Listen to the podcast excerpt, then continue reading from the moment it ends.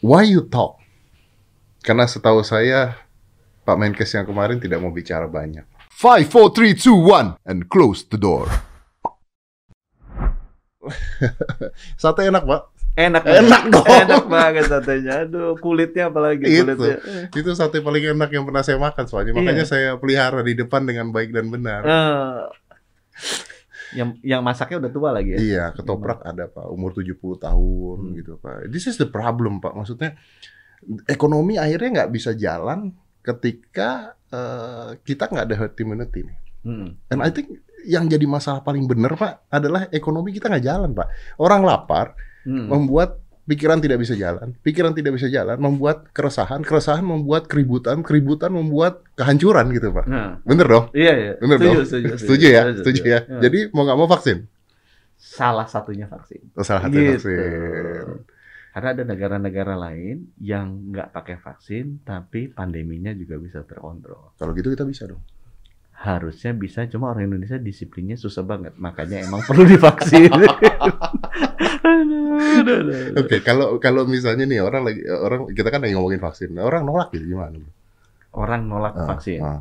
Aku bilangnya gini, eh vaksin itu bukan hanya untuk melindungi diri kita loh konsepnya.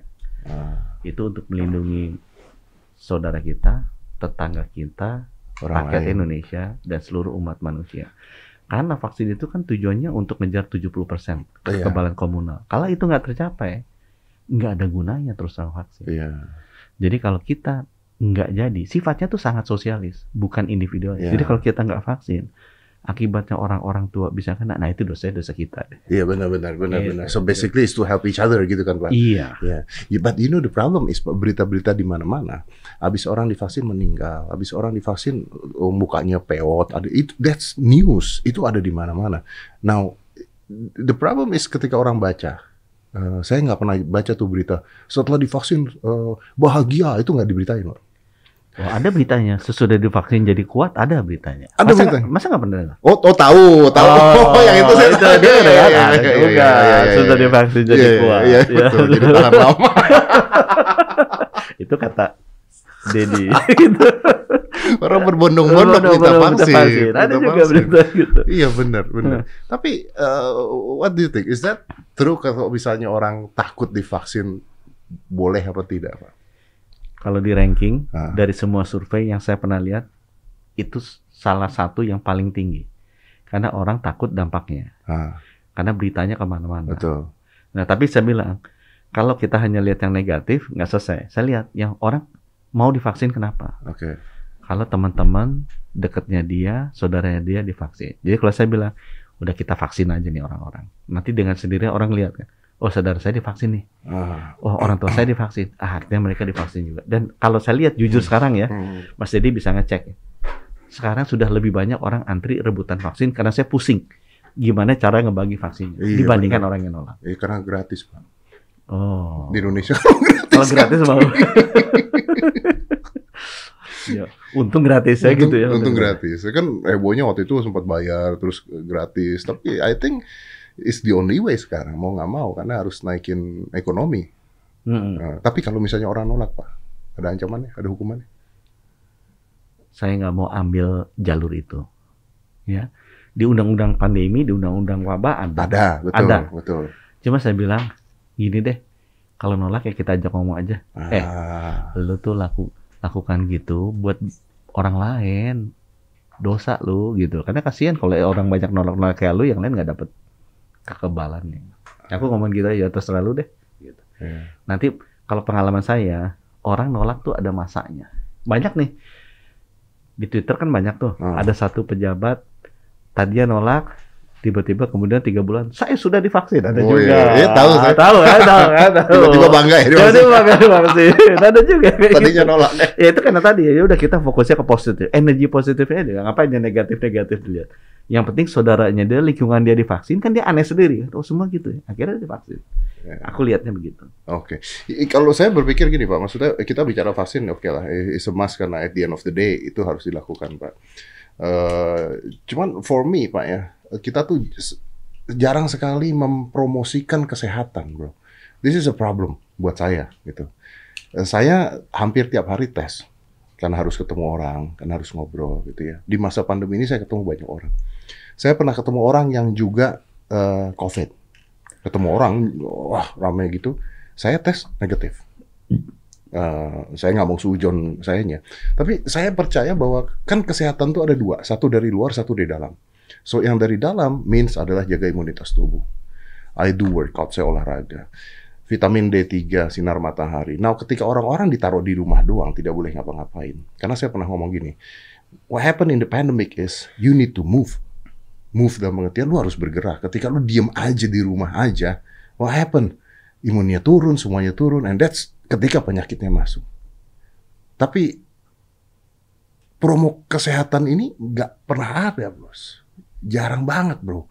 Yang dipromokan kesakitan, kesakitan, kesakitan, kesakitan gitu.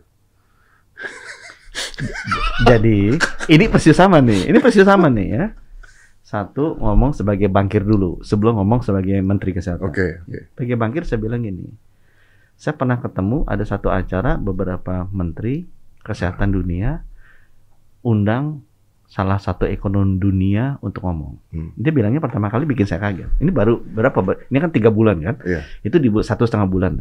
Dia bilang gini, industri kesehatan itu tidak sustainable. Nggak akan bisa langgeng. Kenapa? Nggak. Dalam 20 tahun terakhir dia keluarin data. Cepet. Semua negara di dunia, kecuali India, itu pertumbuhan biaya kesehatan di atas pertumbuhan GDP atau ekonomi. Kalau aku pakai bahasa gampang, wow. itu suami gajinya naik 5%, mm -hmm. Tapi, istri minta gaji naik 10%. Iya, iya, iya, iya. Dari suami. Iya.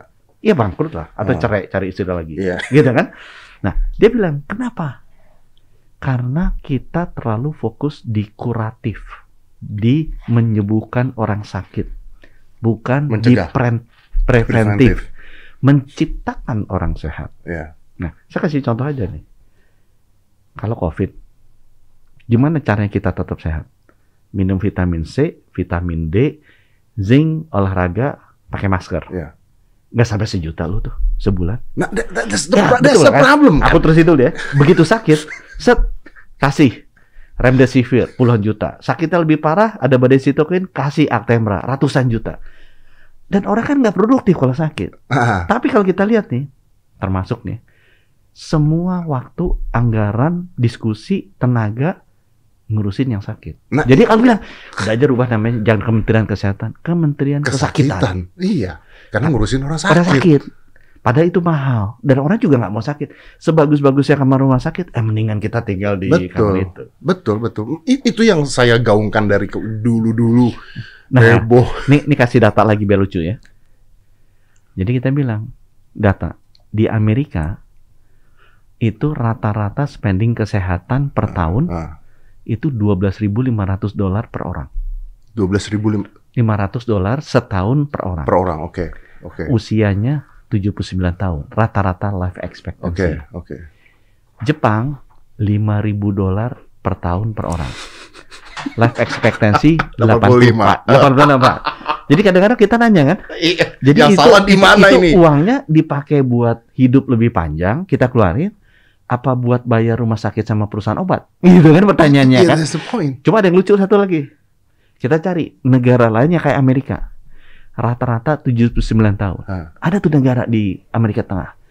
Namanya Kuba. Oke. Okay. Dia spendingnya cuma di bawah 1000 dolar per kapita. Wow. Ketawa kan? Sama-sama Amerika yang 12 ribu. Kenapa Kuba begitu? Lifestyle. Bukan. Vaksinnya banyak. Jadi dia kasih vaksin wajibnya waktu kecil. Oh. Itu di atas 20. Amerika bilang, oh jangan vaksin dah, nanti tunggu aja kalau udah tua hmm. hmm sakit. Hmm. Jadi preventif, telat. promotifnya telat. Dia nggak ngomong pencegahan, dia ngomong kuratif di ujung. So this is basically vaksin satu, uh, gaya hidup sehat juga. Gaya hidup sehat satu, screening. Misalnya orang kalau udah 50 itu harus screening ah. kolon. Jadi gaya hidup sehat, vaksin, screening, check up itu harus. Ya, ya, ya. Nah, ini kan ini kan nah, tadi sama seperti Bapak nih Pak. Kalau kita ngomongin seperti itu. Kan artinya orang-orang ini sekarang lebih konsen ke kesakitan karena hmm. berita-berita semuanya ke kesakitan. Hmm. Now kita nggak tutup mata deh pak ya kita semua orang juga tahu obat ini kan industri pak. Hmm. Vaksin is also industry. This hmm. is hmm. jackpot loh buat farmasi ini jackpot gitu loh. Tapi ketika orang-orang ini uh, harusnya bisa mandiri, jaga kesehatan, vitamin D, vitamin C dan sebagainya, that's basically what I do, masker dan sebagainya. Kita kan bisa lebih nyaman kan Pak? Hmm. Why not the government atau pemerintahnya mensupport hal itu gitu? Bukan mensupport, maksudnya ngedorong hal itu gitu. Kenapa yang terjadi malah uh, harus di rumah saja, lockdown, tidak boleh ke mana-mana? This is ya kasih masukan ya sebenarnya itu udah ada tuh protokol kesehatan yang baru namanya 3M jadi boleh jalan-jalan bergerak berusaha asal pakai masker hmm. jaga jarak hmm. rajin cuci tangan masalahnya orang Indonesia aduh disiplinnya susah kurang, ya. itu aja masalah satu oke okay. correct me if I'm wrong pak hmm saya bisa mengatakan bahwa uh, this COVID ini sebenarnya tidak menakutkan seperti apa yang pertama kali kita bayangkan. Kalau dulu pertama kali saya ya, kalau pertama kali ada COVID, wah saya nyetok makan beku saya nyetok hmm. makanan beku karena ngeliat Amerika tisu habis di Amerika. Hmm, hmm. Jadi ya mau nggak mau saya nyetok makanan beku, tidak keluar rumah dan sebagainya gitu. Wah ini bahaya. And then uh, by time saya mikir bahwa ini kalau kita nggak kerja lagi, mati bukan COVID nih, mati lapar nih orang-orang nih. Saya mikirnya gitu. And then udahlah, pokoknya saya harus olahraga lagi, harus kerja lagi dan sebagainya. Of course with the 3M itu tadi Pak ya. Hmm. And then ternyata uh, up until now saya masih sehat. Saya tidak mewakilkan semua orang nggak mewakilkan semua orang, tapi saya masih sehat. So, oke, okay, artinya bisa. Ini artinya bisa. Menurut saya, Pak. Menurut saya, artinya bisa. Now, ada penyakit TBC. Satu jam mati 11 orang, Pak.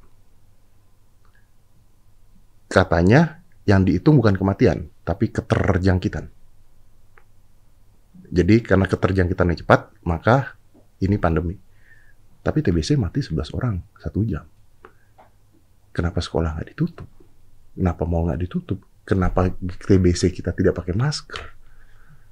Harusnya kalau satu jam 11 orang, saya pakai masker buat TBC, Pak.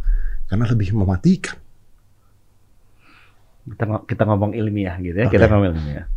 Jadi yang namanya pandemi COVID ini, itu disebut pandemi oleh WHO karena penularannya, penularannya cepat sekali. Betul. Ya. Jadi strategi ngatasin pandemi cuma satu tujuannya mengurangi laju penularan. Iya. Jadi dari satu jangan jadi sepuluh, seratus, seribu, sepuluh ribu, satu juta cepat. Ah. Ini yang mati sekarang Indonesia kan dua persen. Iya. Di dunia udah kepala satu. Relatif dengan pandemi atau penularan yang lain kayak TBC, dia relatif lebih rendah fatality rate-nya. Hmm. Jadi kalau kena berapa persen betul, yang mati. Betul.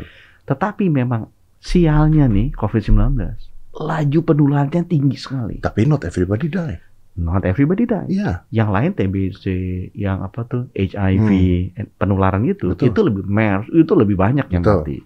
Ya. Dan lucunya emang sekarang artinya apa? Artinya kita mengurangi laju penularan. Dia tuh menularnya 1 sampai 5, itu paling cepat menularnya. 5 sampai 10 udah berkurang, 10 sampai 15 gradually mereka okay. fading out. Jadi kalau kita bisa jaga tuh 14 hari, kalau orang kena, hmm hidupnya sehat badannya, hmm. harusnya relatif lebih terkontrol pandemi ini. Okay. Nah jadi ya jangan sampai orang nularin. Jangan dan, sampai orang Jangan sampai orang Dan, dan, dan bukankah orang-orang yang meninggal ini people with comorbid, diabetes, yeah, jantung yeah, dan sebagainya, yeah. obesitas? Waktu pertama kali kena tahun lalu lebih banyak yang meninggal. Cuma saya bilangnya juga gini, orang 100 tahun yang lalu kalau kena demam berdarah, dengue juga 90% mati. Iya. Gitu kan? Karena kita nggak tahu obatnya. kita nggak tahu obatnya betul. Sekarang orang udah tahu obatnya seperti apa, termasuk COVID. Hmm. Udah banyak treatment di rumah sakit itu ada strategi terapeutik. Satu dari empat strategi yang WHO anjurkan untuk mengatasi pandemi kan nggak hanya vaksinasi, hmm. ada perubahan perilaku 3M, hmm. ada testing, tracing, hmm. isolasi, diagnostik, sama terapeutik. Terapeutik itu perawatan, itu berkembang pesat di rumah sakit. Jadi orang kalau masuk sekarang punya chance jauh lebih besar untuk hidup dibandingkan dia karena satu tahun yang lalu. Orang udah tahu penyebabnya apa dan bagaimana menghadapinya. Yang penting jangan telat aja. Dan komorbidnya jangan banyak-banyak. Nah itu, itu kan akhirnya this is about lifestyle at the end of the day. Kalau kita bicara tentang lifestyle kan maksudnya kalau kita bicaranya ini sama seperti masalah rokok dan junk food saya bilang. Hmm. Ketika rokok ditulis di tulisan sana merokok bisa menyebabkan begini-begini, well junk food actually sugar and junk food kills people. Gula itu, diabetes itu, itu mother of many diseases. That's it. Jadi kalau begitu Dedi tadi minum nggak ada gulanya sama sekali, your chance to get disease yang fatal di Indonesia udah turun jauh. Betul, karena inflamasinya berkurang. Iya, semuanya. Betul. Bukan hanya kolesterol aja, Bukan yang lain-lainnya juga yang lain-lainnya berkurang. berkurang. Tapi kenapa kita tidak memusatkan hal tersebut instead of kita ngomongin rokok, ngomongin ganja, ngomongin apa? Sugar is a big industry and it kills. Sebenarnya bukannya nggak boleh makan gula, boleh, Boleh. cuman ngukur-ngukur gitu. Ya, Semuanya tapi- berlebih. Tapi di tapi gini, Pak. Tapi sekarang bukan hanya gula kan bukan hanya gula buat teh, segala macam Coca-Cola, makanan, itu biskuit, semuanya kan gula. es cendol segala macam. iya, iya, betul. Dan yang Iya, orang terus- dan yang orang nggak sadar, saya tuh dari dulu kalau seminar ngomong, lu tahu nggak bahwa this create addiction loh, adiksinya lu gila loh. Makanya ketika kita makan junk food atau makan yang karbo dengan gula dan sebagainya, kita nggak merasa lapar. Kita makan lagi, makan lagi, makan lagi. Dan itu kalau kena COVID orang-orang seperti itu, you're gone. Makanya yang kena COVID yang paling parah, Ah. yang paling banyak meninggal. Ini COVID Indonesia 101,3 juta. Ah. Orang tua tuh cuma 10 persen. Tapi dari 10 persen itu orang tua, kalau rata-rata orang yang kena meninggalnya cuma 2 persen, Hmm. dunia cuma 1 persen, orang tua tuh hampir 50 persen kalau kena mati. Kenapa? Karena makin kita tua, komorbidnya makin, Makin banyak. Jadi kita harus lindungi orang tua. Ini sekalian promosi kampanye Iya, ya. Itu vaksin tolong dikasih orang tua. Ini teman-teman yang muda-muda jangan rebutan gitu. Hmm. Kasih kesempatan orang-orang tua kita terutama yang lemah nggak mampu tuh dikasih dulu. Bener, bener. bener. Mereka, mereka tuh harus dilindungi. Bener, mereka yang mati bener. di rumah sakit, yang bikin mati nakes juga mereka. Iya juga. benar benar. Saya setuju loh. Jadi, Hmm. jadi kalau teman-teman ya, saya selalu ngomong mereka wah ada rebutan vaksin dan Rebutan sebagainya. vaksin aduh. Saya bilang, eh, eh, saya lihat dulu, lu punya komorbid nggak? Lu punya penyakit lain nggak? Enggak, gue sih sehat-sehat. Eh, orang yang butuh lebih banyak, gue bilang kasih aja Kasih- dulu kasih mereka. lama-lama. bilang, iya. Karena maybe ketika kita kita kena, ya udah kena. Mungkin kita bisa dan survive. kemungkinan sembuhnya besar itu sekali, dia. besar sekali.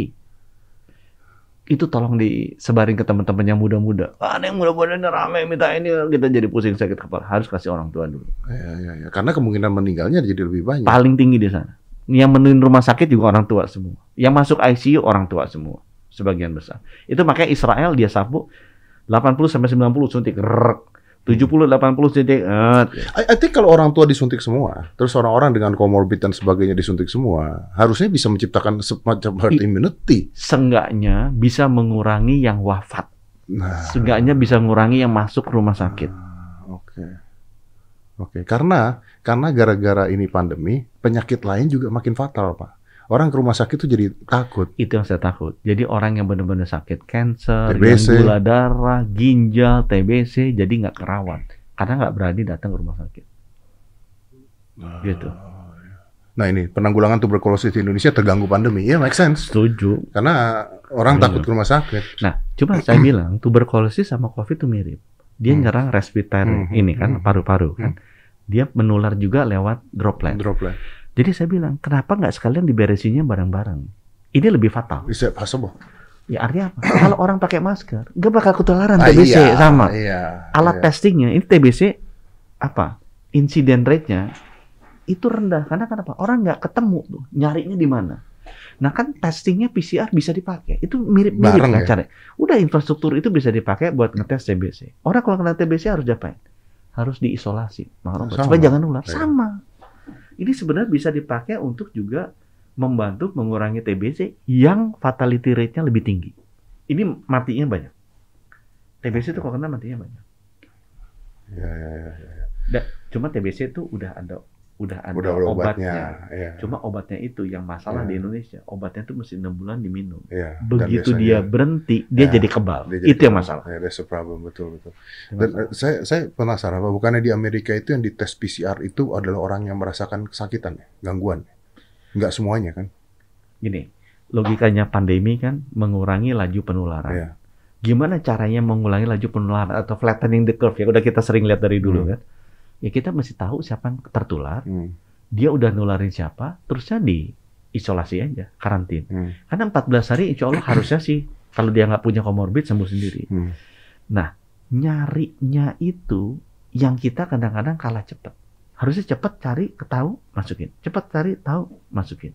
Kalau itu disiplin dijalanin, testing sama tracingnya lancar. Jadi PCR test itu harusnya untuk fungsinya itu epidemiologi. Hmm. Bukan mau ketemu Deddy Kobusier, testing. Mau naik pesawat, testing. Nah, itu itu maksud- maksud saya screening. begitu. Itu yang salah. Nah, Bukan salah lah. Nanti banyak kritik gitu Iya, kan. iya, iya. Kurang tepat gitu. Yang lebih tepat adalah kalau dia suspek, ini ada demam, ini tes. Begitu positif, siapa aja yang kena tuh. Itu dites. Supaya apa? Supaya identifikasi cepat di karantin, jangan nyebar. harusnya. Intinya itu cuma satu, mengurangi laju penularan. tapi kan sekarang kalau mau terbang mau apa semuanya harus swab juga. Ya, pada tujuannya bukan untuk mengurangi laju penularan, untuk lihat apakah dia boleh masuk apa enggak gitu kan? iya, Ya, iya, iya, iya. Which is ya it's okay, but that is not the purpose untuk testing epidemiologi. Testing itu terutama digunakan untuk mengidentifikasi siapa yang suspek dan kontak eratnya dia siapa Hmm. aja supaya kita ketahui, kita bisa isolasi supaya nggak nularin orang lain. Gitu. Oke, kalau kalau memang begitu, why why don't you change that? Harus dengan apa narasi yang, Yang tepat. terus menerus dan tepat. Ya. Ya kalau enggak soalnya jadi senjata makan tuan biasanya dibalik lagi sama orang. Hmm, hmm. Oh. Tapi kalau saya melihat sekarang di puskesmas-puskesmas dengan adanya rapid antigen yang juga diakui WHO Hmm. itu udah bisa lebih cepat. Jadi orang yang suspek puskesmas bisa ngecek 15 menit udah. Iya, iya Hmm, betul iya. betul. Saya juga di sini cek 15 menit langsung, 15 Hmm, menit hmm, langsung. Betul betul. Yang jadi masalah kan adalah bahwa tidak semua orang mau ngetes karena biaya biayanya juga. Nah kalau rapid antigen kan murah, 200 ribu. Dan harusnya ya, saya bilang nih, kalau tesnya epidemiologi di semua puskesmas, rumah sakit umum daerah, Free. rumah sakit umum pusat itu harusnya free. Mbak Risma. Kalau epidemiologi harusnya free. Kalau nggak free kasih tahu. Aku bilang gitu. Tapi kalau buat screening, Pak saya mau terbang di ini, enggak. Ah, ya, It- karena- itu nggak boleh individual ide, apa awalnya nggak boleh dari kita, tapi awalnya dari tenaga medis. Kalau tenaga medis bilang ini dia suspek, kita tes siapa eh, ya, kontak erat yang dites itu harusnya dia nggak bayar. Karena tugas negara untuk memastikan tidak menyebar. Oke, but you know ada berapa orang yang bayar? Bayar. Itulah negara kita tercinta. negara kita tercinta. Kalau ada opportunity ya bayar. Eh, ada opportunity-nya kenapa Ah, tidak gitu ini kan? ada yang jualan sate, oh, jualan sate nih. Ah, Ah, bayar iya. dong kita. Bayar dong. sate. Karena bukan tempat gitu kan ada juga.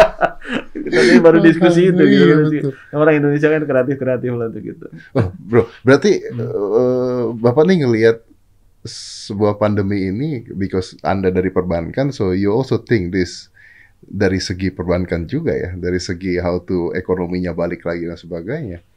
Iya, aku bilang karena saya kan krisis ekonomi saya tiga kali dan saya di in the center of the crisis gitu. Ah. 98, 2008, 2013. Ah. Krisis ekonomi itu penyebabnya perbankan. Yang awal mulanya. Ah, Jadi kita tahu benar caranya gimana. Nah, yang saya bilang jangan tahun ini kita pakai rumus kebijakan yang, yang sama. sama.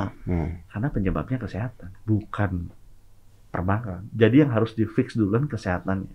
Waktu itu waktu jadi wamen kebetulan ngurusin perusahaan farmasi BUMN tuh Indofarma, Biofarma, Ah. Terus habis itu dikasih sama bos gitu kan, Chief Erick Thohir untuk ngurusin rumah sakit. Jadi suruh Ah. di mergerin. Itu kan merger tuh.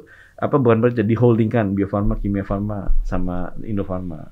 Habis itu saya suruh yang rumah sakit. Ada Hmm. 70 tuh rumah sakit BUMN di di holding kan. Pas saat itu Covid kena. Jadi kita ngurus lah PCR apa segala macam, vaksin termasuk kita ngurus gitu ya. Ya mungkin gara-gara itu lah udah jalan-jalan yang di atas ya. People put hope on you. Gitu ya. Yeah, Itu bikin stres itu. and that's Hmm. people put hope. itu yang bikin stres. Kalau nggak ada hope kan kita nggak stres. kita ekspektasi tinggi kan. Itu kita dia. stres. Itu Gitu dia. kita stres. Iya loh. Hmm. Dan mereka menganggap bahwa eh, Pak Budi ini adalah angin segar. Gitu kan. Hmm. Ini kan bukan tantangan tapi ancaman. Nah, kita baru dengar kalau itu kita baru dengar tuh. iya loh, angin segar gitu kan. Wah, mudah-mudahan dengan ini pandeminya, eh, this cuman bisa terjadi dua hal kan. Either you're successful and you become a Iya. hero, or you Or become not. a victim. gitu. Gitu. aku, aku aku bilang waktu itu ke keluarga, "Ini gimana caranya? Eh, kita hitung-hitung gini deh. Kita udah di bank investasi duniawi cukup. Oke. Sekarang kita cari investasi surgawi. Kalau di agama saya kan, apa yang kita bisa bawa nyebrang ke sana? Kan duit nggak bisa bawa. Iya, betul. Apa? Yang kita bisa bawa amal ibadah. Eh, insya Allah ini 181,5 juta kita bantu. Mudah-mudahan dicatat sampai di Iya, atas. iya, iya, Allah, betul, nah, betul, kita betul, gitu betul. aja deh. Niatnya gitu aja dah, biar semangat. Makanya niat dan tujuannya udah bener ya gitu ya. Bener, Insya Allah dibukain jalan gitu ya.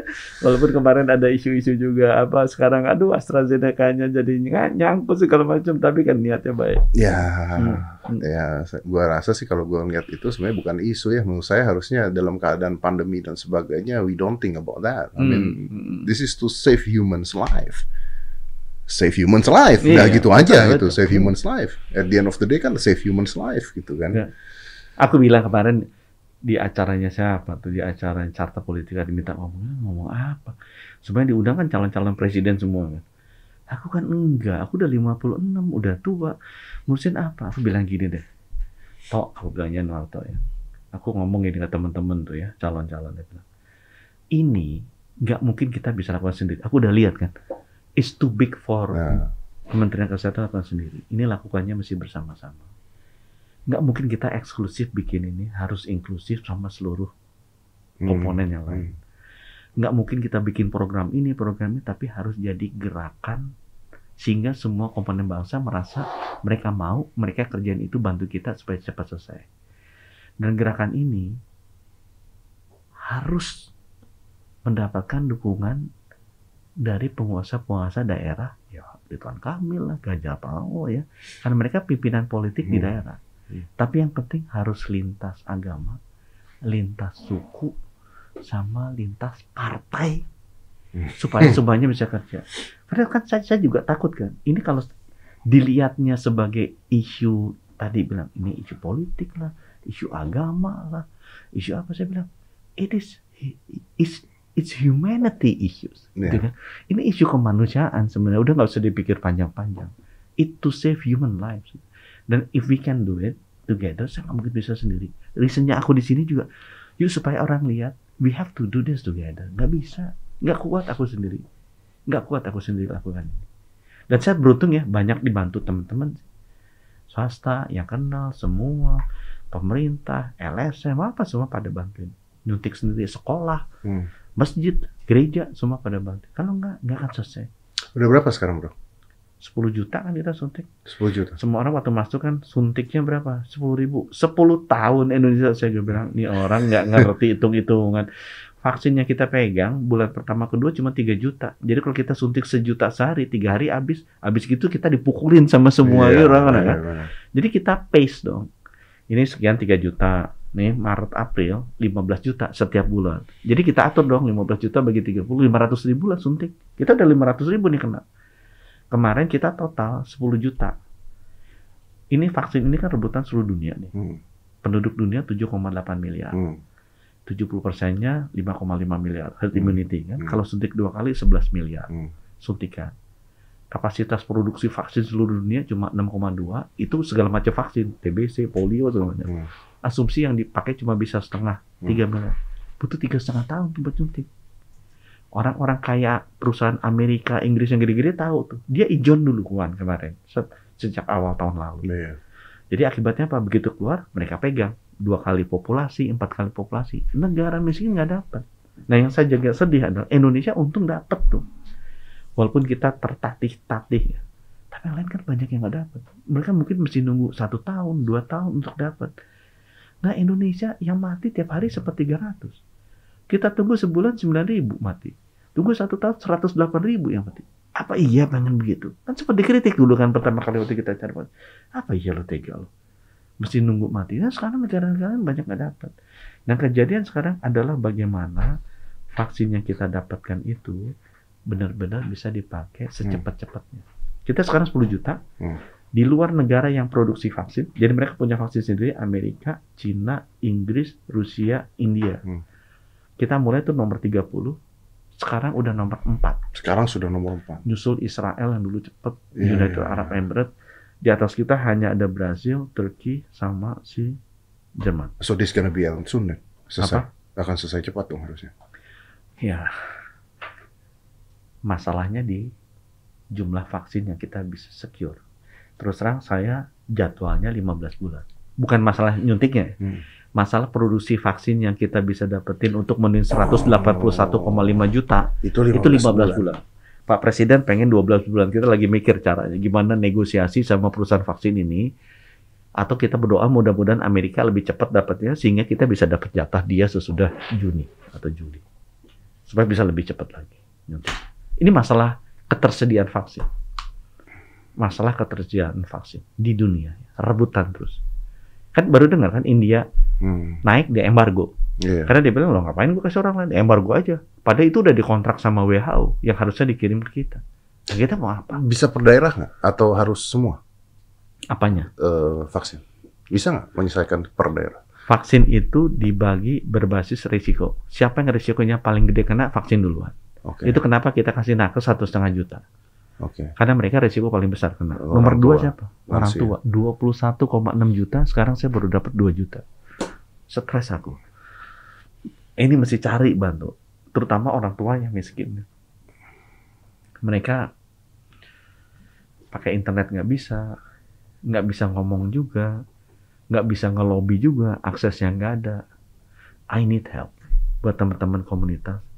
Yuk kita bantu lindungi orang-orang orang tua yang nggak mampu ini. Aku sekarang sedang cari jalan gimana mempercepat orang-orang tua mampu ini supaya bisa divaksin cepat. Tanpa membuat kericuhan ya. Iya, banyak yang pengen kan rebutan. Ya kan makanya, makanya. Hmm. Pasti rebutan. Iya, yang muda-muda kan pengen juga cepat divaksin, takut. Cuma isunya memang nih orang tua. Ini nyampeinnya juga susah. Jadi orang-orang yang muda-muda bilang kan, itu orang tuanya nggak datang-datang, gitu kan. Yang muda bawa yang tua. udah. Makanya sekarang kita saya baru keluarin. Eh, lu I- mau muda, Itu suntik ya, ya. hadiah ya. Lalu bawa dua orang. Iya. Gitu. Oh. Abis emang susah juga orang tua tuh ragu, takut, gak ngerti, Iya nggak sih. bisa daftar online gitu. Jadi kita pusing juga kan. Aduh gimana caranya? Udah. Daripada pengen suntik ya. Is it work, Pak? apa? Is it work? Bawa dua orang. Baru mau baru mulai nih, baru tes nih, baru tes di minggu ini. Oh, Kalau sampai jalan sih Anda kelewatan semua. Demi dapat vaksin, Dan- ditenteng orang dia- tua. lebih Pak. bagus dong. Kalau buat saya, I couldn't care less. Iya, Yang penting orang tua yang penting jalan, orang tua suntik. Gak masalah aku. Aku cari cara semua orang tua gimana caranya. Udah, orang pengen, udah aku kasih, bawa orang tua dong. Suntik. Oke, orang tua gampang kelihatan orang tua. Orang dengan komorbid gimana? Uh, Ini- It's another ini- PR kan? Vaksin ini komorbidnya ada listnya. Darah tinggi dia nggak boleh. Autoimun dia nggak boleh. Ah, Gula yang berlebihan nggak boleh. Ah. Tapi nilainya kan oke. Itu kan nanti ada ada tesnya, ada tes. ada tesnya. Ada tesnya. Maksudnya di interview sama dokternya. Ya, ya, ya, ya, ya, ya, ya. So, ini pasti ini nggak sih? Kalau misalnya orang nanya nih, ya, pasti Hmm. akan nanya. Oke, ini pasti aman nggak, Pak? Ya sampai sekarang sih belum ada yang mati. Belum ada. Gara-gara divaksin belum ada yang berubah jadi zombie gitu kan. yang aku dengar malah jadi kuat gitu. Iya, tapi ya kalau ngomongin zombie ya, Pak ya. Heeh. This pandemic is like zombie movies ya. Ah. Saya nggak pernah membayangkan di masa hidup saya gitu akan mengalami hal seperti Oh, ini. ini, ada filmnya loh. Ada filmnya kan pandemi Iya. jadi zombie kan. Iya, iya. Oh, saya lagi nonton Walking Dead, saya lagi nonton film-film. Ini gila loh. I never think Mm-mm. akan terjadi seperti ini gitu. Dan tapi the the, the truth is setiap pandemi manusia survive. Dan semua pandemi menuntut manusia merubah perilakunya. Gitu. Iya, kreatif, Gitu, iya. kreatif. Kan aku ceritakan tadi kan, pandemi paling banyak bunuh Black Death, Iya. Eropa 1300-1500. Itu dari tikus, ada kutunya, kutunya bisa loncat-loncat Iya. pakai laler gimana. Iya. Ngerubahnya apa? Mesti lebih hygienik. Cuci tangan, sikat gigi, berubah tuh hidup Iya. manusia jadi lebih sehat. Tadinya makan nggak pernah cuci tangan, mesti cuci tangan kalau nggak dia mati. Berubah kan? Yang paling dekat puluhan juta, walaupun nggak dibilang pandemi, ini global epidemic. Pandemi itu kalau lagi naik, kalau udah agak turun namanya epidemic. Oke. Karena selesainya kan lama. Itu AIDS, HIV. Ah. Itu matinya puluhan juta juga tuh. Ah, Itu kan menuntut manusia agar ya udahlah kalau berhubungan badan lebih baik lah. Oke.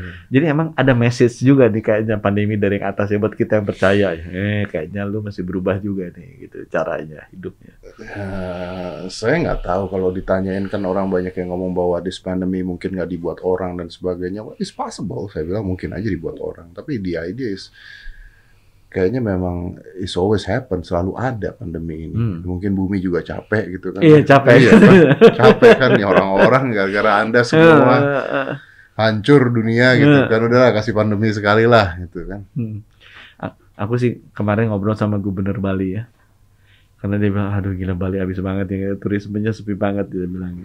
Lebih parah daripada tukang sate yang di depan gitu ya. Iya. Tapi dia bilang gini, ya mungkin ini karena keseimbangan antara manusia dengan alam, manusia dengan Tuhannya, I dan agree. manusia dan samanya udah agak nggak balance. I agree. Sehingga dengan demikian alam mengadjust Bekerja it- sendiri. itself, bekerja sendiri, bekerja sendiri.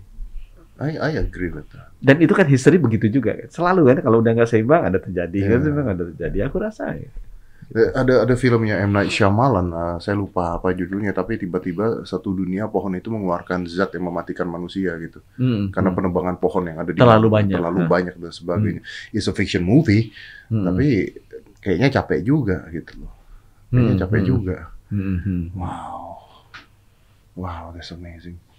So, uh, Pak, when do you think this gonna be over? Next year? Two years? Dengan saudara kerendahan hatinya. Aku jawab, aku tidak nggak tahu. Aku tidak tahu. Karena aku liatin, aku baca kan jadi Menkes. Saya kan eh, backgroundnya nuklir scientist. At least I'm a scientist gitu kan. Jadi aku baca lihat. Itu orang semua sudah prediksi. Gak ada yang benar. Ya, iya. Jadi semua epidemiologis, semua molecular biologis yang PhD PhD yang sekolah terkenal lihat, salah. Orang Indonesia lebih lucu lagi kan, semua memprediksi. Iya. Even bukan ahlinya memprediksi, nggak ada yang benar. Jadi aku bilang, ya udahlah aku sih nggak usah so tahu, nggak tahu. Iya. Kita nggak tahu gimana kapan ini akan turun. Karena kan dia mutasi terus. Virus ini mutasi udah lebih dari seribu kali. So what if kalau dia mutasi dan vaksinnya nggak bekerja dengan baik? Betul ya. Walaupun sekarang sih masih terbukti risetnya masih mampu ya. Tapi, Tapi kan kita nggak tahu. bisa aja. Tapi kan? kita nggak tahu. Jadi kalau misalnya itu terjadi dan kita harus berpikir lagi, buka drawing Harus board berpikir lagi, Itu, itu artinya yang di atas bilang belum Eh, selesai. belum selesai. Jadi kalau aku bilang, tapi ya aku kasih yang secara saintifik dulu ya sebelum yang yang religi. Iya, ya. iya. Secara saintifik, vaksin itu bermutasi untuk survive. Ini kalau aku baca. Iya. Jadi dia, Dia akan melunak harusnya. kalau dia mematikan kayak MERS gitu, Iya. itu cepat hilang Betul. virusnya. Karena dia juga nggak ada tempat, dia Iya, keburu iya. mati hostnya. Jadi kalau dia bermutasi, itu harusnya softer. Jadi nanti yang namanya pandemi akan berubah jadi epidemi. Sama kayak folio gitu. Iya. Dulu begini, akhirnya oh sekarang gradually nggak hilang-hilang sih, cuma lama jalan. TBC juga gitu kan. Dulu sangat mematikan kan sekarang udah turun walaupun masih mematikan ya. Tapi nggak sebanyak dulu lagi gitu. Karena mereka juga nggak mau mati kan si virus Yeah. ini. So basically this bisa aja jadi flu one day. Iya, bisa juga jadi flu one day. Ya tetap ada yang kena, tapi mungkin setengah persen atau berapa 0,01 persen yang akhirnya karena memang komorbidnya nggak fisiknya nggak kuat, dia wafat. Gitu sih. Jadi aku berharap yang mudah-mudahan yang penting kalau di, di menangani pandemi di kesehatan RT-nya pak, laju penularannya di bawah satu. Jadi kalau di atas satu tuh satu orang nularin dua, satu orang nularin lima. Hmm. Kalau dua orang udah nularin satu Ya atau udah, tiga udah. orang udah satu itu terkontrol. Saat ini? Saat ini masih 1.0203. Oke. Jadi istilahnya reproduction rate susah Oke. banget ngitungnya gitu ya. Iya, Tapi intinya satu orang nularin lebih dari satu. iya, iya. Harusnya satu orang nularin kurang dari satu atau dua orang nularin satu gitu. Oke, oke. Eh, eh, eh, saya nggak mau ngambil waktu Hmm. Bapak banyak. Eh, I think two things lah, Pak. Yang pertama adalah, bisa nggak kita mulai industri kita lagi, walaupun vaksin belum ada? Kalau saya bilang bisa. Tapi protokol kesehatannya mesti dijalani dengan disiplin Iya. dan baik. So, it's possible. Jadi saya ngerasa ya satu yang WHO kasih strategi empat, ya satu yang dihilir, gimana merawat kalau sakit. Hmm, Yang tiga itu merawat orang yang sehat, hmm, vaksinasi itu paling dekat ke hilir. Dia harus punya diagnostik yang bagus, testing, tracing, isolasi yang bagus. Karena kalau kena kita ketahuan, yang pertama yang paling penting public health system, perubahan perilaku. hmm. 3M. Jadi saya bilang, yuk kita bikinin dong, gimana sih caranya protokol kesehatan konser Hmm. pasca pandemi. Gimana upacara keagamaan pasca pandemi? Di mana belajar mengajar pasca pandemi? Kita bikin aja standar Hmm, Tapi, protokolnya. tapi maksud saya bukan bukan ke online ya pak ya? oh, enggak. No no no. Enggak. No, bukan, Enggak, bukan. Selama selama itu pakai masker, jaga jarak, kemudian dijaga bersih, nggak masalah. Oke. Malah kalau satu lu, kita kan lagi coba nih di Ubud nih sama Pak Gubernur. Kita mau bikin Ubud itu hijau benar-benar. Sehingga orang masuk ke sana free live as normal. Tapi untuk itu kan masih ada protokol kesehatan yang kita bangun. kan. Hmm. Ya orangnya divaksin. Orang kalau mau masuk treatmentnya gimana? Orang berinteraksi gimana? Kita masih ada random testing supaya nggak kena. Kalau toh pun kena, handle-nya kayak gimana? Hmm. Itu semuanya kan mesti diatur. Ya kayak tata cara hidup yang baru. Yeah, because we need that. Yes. itu itu tugas beratnya kita ke depan. Saya bilang kan tadi, sama lah. Dulu aja waktu 9/11 itu kena, tata cara penerbangan Berubah. Berubah. Iya. manusia bisa adapt kok. Iya. Aku sih yakin pasti bisa. ada. Sendok jadi nggak ada, ganti Ah, plastik segala macam. Masuk harus Harus buka, macam, buka ya. sepatu segala macam. Manusia adapt kok. Ini protokol keamanan. Ya udah kita bikin yang sama untuk protokol kesehatan. Itu hanya untuk satu apa aspek kehidupan, terbang. Ya kita untuk seluruh aspek kehidupan.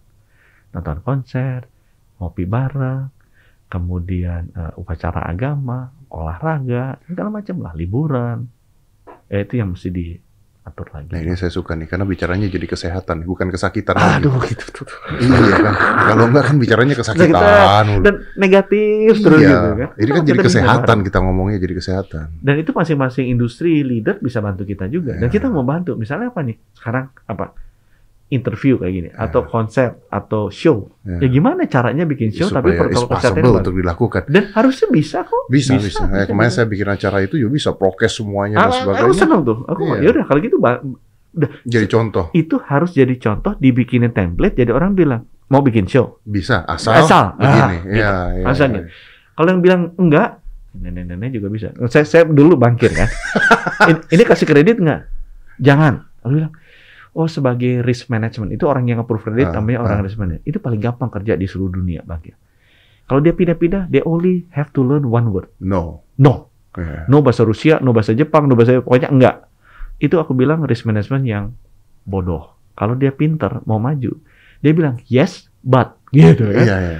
Aku bisa kasih kredit kamu, but ha, syaratnya satu, dua, tiga, empat, lima. Itu sama. Kamu mau ngadain show nggak? Yes, but, But. ya itu udah tiga, Ya, lima. because you cannot say no to everyone every time, Dan all it- the time. dan itu itu aku bilang ya itu stupid answer. Ya semua juga bisa bilang no gitu. Iya, iya. iya. Tapi kalau kita pengen memberikan value to save humanity gitu kan, is is not only health kan, tapi juga ada life. I'm agree with that. Life kan Iya, kita iya. ngomongin. Eh, itu, ya, itu kasih tahu dong gimana caranya. Karena, karena basically kalau sorry itu saya if shit happen then we learn how to adapt again gitu kan sampai ini jadi sebuah ya humanity udah jadi Dan, seperti itu. dan history of human being, It's always like that ya. they adapt. They adapt. Wow. They adapt. Masa nggak bisa? Belum nemu aja. Tapi we need discussion, debate, argument Ya, supaya kita dan orang yang berani nyoba, ya. regulator yang berani mendorong. Aku sih very open. Aku nih terus terang di sini kan ngajak. Kita mau coba Bali satu daerah testing dulu Betul. daerah hijau dan saya bilang Pak Gub. Kenapa saya mau? Karena Pak Gub itu very passionate untuk untuk lakukan ini. Kalau pemerintah daerahnya nggak passionate, ya aku gimana yang bisa Hmm. bantu. Tapi kalau ini mau kerjasama, gimana kita jadikan satu tempat di Bali jadi daerah yang benar-benar green, Green. benar-benar bersih, sehingga semua turis di seluruh dunia tahu this is the place that I would like to go. Balik lagi heaven on earth. Ah, Karena itu yang paling aman. Bisa Bukan, possible. Bisa bukan hanya culturally, tapi healthy, Ya. sam- tapi udah udah udah beda dengan turisme. Turismenya dekat ke alam dekat ada meditasinya. nah itu kita mau bikin kita mau ngajak di orang-orang siapa yang punya passion ambition yang sama? Yuk kita bikin dong. Masa kita nggak bisa jadikan Indonesia yang pertama kali begitu? Kan bangga kan? Kita bikin lu datang ke sini aman gimana cara ya kita pikir deh Wah, kita iya, betul. Wah itu dunia Ah, ngelihat, semua dunia, dunia datang, ngelihat. ekonomi bangkit, Ah, semuanya ah, jalan ah. lagi. tapi gitu kan tapi begini begini begini begini iya, begini gitu. Syarat-syaratnya. Syaratnya harus gini kalau enggak enggak dan ya. kita harus disiplin jaga ini kalau lu enggak enggak jangan Ya. Nah itu yang kita mau coba. Kalau dan saya butuh bantuan teman-teman. Ya, help. Ada kan di dalamnya kan satu kota kan itu ada orang petani, ada orang ke pasar, ada orang ke pura, Iya. ada orang bakar-bakar ikan, ada nelayan, ada apa gimana gitu. Iya. Gimana protokol kesehatan baru ya? Aku anggap ya itu gampang ya. gampang Iya. juga. Tapi I think it's doable. I think Ah. it's doable dan harus bisa sih sebenarnya Hmm. bisa. Gila kalau ini jadi jadi contoh project Jadi dunia. contoh project. Makanya saya mau kecil dulu. Soalnya kalau udah ngomongnya gede-gede, Ya, ah, jadi mimpi. eh, mimpi doang. Ini, ini benar, coba coba tes. Dan itu kita vaksin semua aja dulu. Tapi itu nggak cukup hanya vaksin kan? Karena saya bilang kita beresin satu daerah. Habis gitu, orang kan keluar masuk Ubud, mau bawa ini, bawa ini, ada orang kerja. Nah itu gimana yang beresinnya orang keluar masuk supaya nggak ngerusak. Supaya nggak rusak. Habis gitu kan ada turis masuk internasional. Gimana jaganya? Pak, turis masuk karantina dulu 14 hari di Denpasar. Eh lu gila ya? Emang turis suka digituin? Kan mau dong dia mau datangnya ke Ubud. Iya. Kenapa di Denpasar? Langsung dibawa pakai bus tertutup, masukin Ubud, ada satu compound gitu ya, misalnya villa berapa? 100 villa, masukin aja deh di situ. lima hari. Orang Ubud juga seneng. Gitu kan, stay-nya lebih lama, tapi dia di situ di, di, diadaptasikan dulu. Ini kan bisa jadi Nah. sebuah propaganda luar biasa. Indonesia bebas COVID. Nah, Walaupun nih bebas cuma Ya, segini betul. doang. Tapi kan, Itu tapi ya. kan kata-katanya Ah, ah. Indonesia bebas Ah. COVID gitu kan. Ah, saya Nah. mau jadi judul Nah, nah, lucunya satu lagi. Ini kayaknya udah alam udah merestui. Ubud itu adalah pusat turisme Bali tahun 1930 karena rajanya ngundang orang Belanda datang ke sini, tinggal mereka balik lagi ke sana mereka cerita. Dan kita tahu tanya orang Bali deh, Ubud itu pusatnya seni tari, seni lukis, seni apa musik itu mulai dari sana nyebar ke mana-mana. Jadi orang-orang Bali udah bilang, makanya Pak kita mulai di Ubud.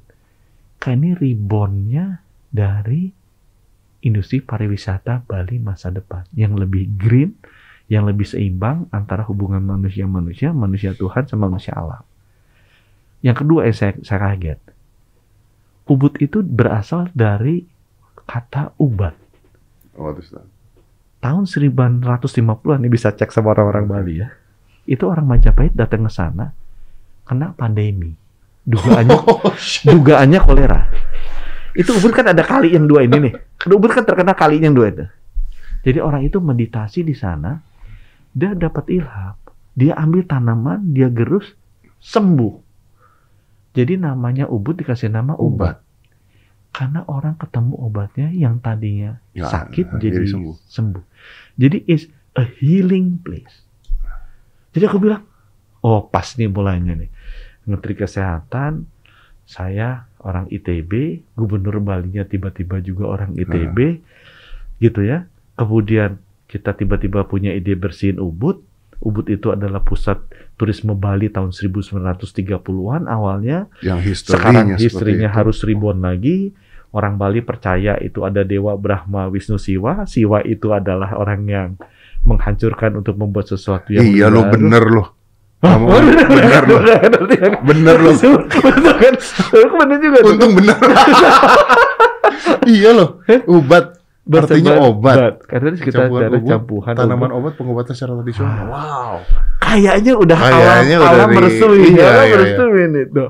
Wih, iya. Dia hebatnya gini langsung ya. Iya. Jadi kalau mau Jadi ngaco itu. kalau ngaco keluar salah nih anda salah. Aduh. Aduh. Oh berarti wow, that's amazing pak. Nah itu butuh bantuan tuh. Siapa teman-teman yang passionate? Karena kita kan ini kan harus kerja Nanti bareng Tirta ya. gue teleponin. Ya Eh, Tirta, lu Tirta, Tirta. Bali lu. Daripada lu ngomel-ngomel segala macam. Ribut-ribut. Gunakan energi lu inin Bali. Iya. Dan itu kan, aduh kalau itu jadi ya, waduh keren banget. Saya tuh rencananya, kalau ini jalan ya, saya ngomongin, pertama saya undangin dulu dubes-dubes sama orang WHO, UNICEF untuk datang. Kalau ini kita bujukin, ayo dong, Dirjen WHO kita suruh datang. Wih, di. Dirjen WHO kan kayak kayak apa PBB untuk Iya, politik iya, kan. Ini kan organisasi dunia kesehatan. Jadi ambasadornya dia ya. Kalau dia datang, itu kan udah di stempel kan. Jadi loh di WHO aja datang Ubud fisik gitu kan, bukannya vikon vikon, Iya. fisik datang. Tapi harusnya mau. Mas, Mau, mau, mau, mau Ya dong. kita kita lagi berusaha nih, makanya saya ajak orang WHO, saya ajak orang UNICEF, ajak PwC buat audit juga supaya ada international recognition ya. Nah kita minta bantuan untuk bantu promosiin dong. Iya, Kita kan nantinya gimana caranya orang-orang bantu, bantu membangun ini. Iya, Nanti ajak saya ke Bali berarti. Iya iya iya. Iya. Pasti pasti pasti kita beresin. kan? Iya Kita ajak ke dokter Iya, Tirta juga. dokter Udah dong. Kita Beres di juga. sini dok. Kita jadi semangat gitu. iya, luar biasa. Bro, before you go, before you go, why you talk? Karena setahu saya Pak Menkes yang kemarin tidak mau bicara banyak. Tapi why you talk? This is mengagetkan kan kita kan. Saya tuh ada ada yang saya ingin ya jujur aja kan. Ini kita kan udah ngejar 10 juta nih. Hmm. Tapi what make me very sad, saya ada 21,6 juta lansia yang saya harus suntik sampai bulan akhir Jun. Dan sekarang baru 2 juta. So I feel very sad karena saya tahu datanya, saya lihat statistiknya. These are the people are dying. Tapi mereka tuh kalah karena mereka tuh nggak merasa, aduh aku takut lah, aku nggak datang keraguan-raguannya tuh banyak. Saya jadi mau cari segala macam cara untuk membuat rekan-rekan kita yang lebih lemah ini suntik dulu. I try to find many ways. Saya udah ke masjid, udah ke gereja, udah segala macam. Ada cara lain nggak sih? Everything. Dan saya lihat, oh ini katanya paling banyak yang dengar. Tapi kan orang bilang, yang dengar muda-muda. Saya tuh sampai Oh, yang muda itu bisa bawa Nah, orang tua. Ya, kenapa saya ngomong? Karena kema- saya kan buka khusus tuh buat orang tua. Akhirnya diprotes. Karena yang datang kan hanya orang tua. Hmm. Mereka tuh bingung. Oh. Dan saya nanya, ibu kenapa? Aduh, saya udah susah jalannya gini, gini, gini. Kenapa anak saya nggak boleh antar? Akhirnya sekarang kita coba sama Grab. Kita kan kerja sama banyak membantu kan. Itu saya dapetnya dari orang Grab. Gue bilang, Pak, sekarang kita orang tua, kursinya antrian dua. Kenapa? Biar ada yang nemenin. Dan di situ saya lihat, oh ya orang tua tuh masih ada nemenin. Yang nemenin siapa? Pasti anaknya, kalau nggak cucunya, Iya, kalau di iya. tengahnya. Jadi bilang, oh, gua nyasar orang tua nih kayak McDonald nih. Gitu kan. McDonald bikin game-game buat anak-anak supaya dia belanja Supaya orang tuanya makanya banyak. Jadi, iya, iya, oh gue mesti cara gini Benar, nih, gue mesti salah, salah nih caranya. Benar, that makes sense. Kita mesti promosi ke acara yang orang muda Dengar, dengar sehingga dia bilang, eh membujuk Lu- orang tuanya. lu ajak dong orang tua lu, kakek lu, nenek lu, tante lu, mertua, you diajak datang. Kenapa? Karena mereka tuh harus dilindungi. Mereka kalau kena tuh, bro, maaf, yang check out tuh hampir 50%. This is the group that we have to protect. Nah, aku sekarang reach out untuk memastikan, ayo dong, ajak dong, bikin gerakan, bring the old people to the vaccination center untuk disuntik. That's what I need. That's why you talk. Gitu. Mudah-mudahan didengar banyak nih. Oh, itu. Dan itu aku sekali lagi ya, minta izin ya, promosinya ya. Oh iya, iya. Lo ajak orang tua. Dan saya udah bilang, sekarang kita akan mulai. Kalau dia bawa dua orang lansia, dia juga divaksin. Karena sekarang rebutannya kan kalah orang tua sama itu. Orang tuanya udah habis sih, udah nggak ada nih. Kita aja dong. Ya, ya. Data gua nih 21,6 baru dua yang divaksin. Hah? Baru du- baru 2 juta dan 21,6 juta. Dari 21,6 baru 2 juta. Baru 2 juta. Kita need more dan waktunya udah mepet. Udah mulai bingung juga nyari. Itu harus di atas 60. apa? Harus di atas 60 kenapa? Karena itu statistically yang wafatnya banyak di situ. Aku belum 60 by the way. Jadi masih merasa udah udah udah udah deket sih, udah deket. Tapi udahlah kita kasih yang 60 dulu. Iya, iya, iya. Wow, that's amazing. Jadi mintanya dua ya, boleh ya? Iya, Jadi iya. orang tua tolong dipromosiin, itu tukang-tukang dagang dikumpulin. Nah, itu nanti, kita mau aku- bikin tuh. Aduh, nanti pahalanya banyak. tuh. Sama sekalian kita bikin Bali. satu Bali So, Jadi ini ya, eh, green cluster ya. Green Cities gitu Green City. Indonesia bebas COVID, Kita WHO situ. datang, orang lihat jadi proyek contoh. Jadi proyek contoh. Ya. Dan semua orang nanti semua Amerika, Rusia, Australia, oh gue mau ke sana ya. Berarti gue bilang, eh Pak Gup, lu kasih nilai mahal. Harga mahal orang asing mau masuk. Gitu Iya, kan? Bener, Jadi orang Bali hidup. bener, bener. Tapi kecuali buat kita. Kalau kita kita karena bantu kasih yang murah. Gitu. Bener, bener, bener, bener, bener, bener. Nanti Jadi, kita bener, bener, bener. Kayak kasino di Singapura. Iya, ya. betul, betul, betul. Orang kan bosan juga kan seluruh dunia pasti dia pengen cari tapi Iya, iya. aduh Bali nih. Jadi kalau kalau apa Trip Advisor dia bintang 5 bukan hanya keindahan Iya. tapi kesehatan. Kesehatan. dari itu. Itu baru Menteri kita. Kesehatan. Oh, iya, bukan betul, kesakitan. Ah, Pak Budi, Ya, terima thank kasih you. banyak juga Ini ya. Saya sih, waduh, ngobrol mah nggak ada habisnya nih. Ah, Bisa ah, ah. berjam-jam. Makanya tadi saya bilang ngobrolannya memang nggak tahu. Di warung kopi aja kita ngobrol. Tapi I appreciate this uh, dan banyak sekali harapan masyarakat ke Pak Budi pastinya gitu Hmm, dan hmm. Saya tahu bebannya juga berat gitu ya. Jadi masyarakat kalau nggak bantu juga ya jangan cuma berharap doang, tapi harus ngebantu juga. Hmm. Kalau dari saya tadi ngeliat se- sebenarnya saya sepaham dengan Pak Budi juga sepaham. Pertama adalah ya pertama imun kita harus jaga, vitamin Hmm. kita harus itu dari dalam vaksin sampai herd immunity. What is the end result? What is the end game? Nobody know. Tapi if you don't do anything, Ya. Hmm, hmm, then we know what happened gitu kan basicnya kan. hmm. Jadi buat teman-teman yang punya orang tua, bawa orang tuanya untuk divaksin karena mereka yang paling rentan eh, kasus meninggalnya. Kalau Anda masih muda, masih sehat, masih kuat, nggak punya komorbid dan sebagainya, jangan vaksin dulu. Kasih orang tuanya dulu lah, gitu. Tuh, tuh, Eh, tuh. takut sekali Anda itu. Ini buktinya kan sehat. Sehat. Ibu saya udah vaksin. Udah baik. Nah, ah, itu terharu Ibu tuh. saya Ah, udah bener-bener vaksin. terharu tuh. Betul. Dan yang meyakinkan anaknya kan? Iya. Benar kan? Ah, udah cocok. Vaksin Udah apa-apa, Cocok, gitu. Pak Budi, thank you. Ya, Terima kasih sama-sama banyak. ya. Salam buat semuanya. Let's close this. It's nice talking Ya, to ya. you. Five, four, three, two, one, and close the door.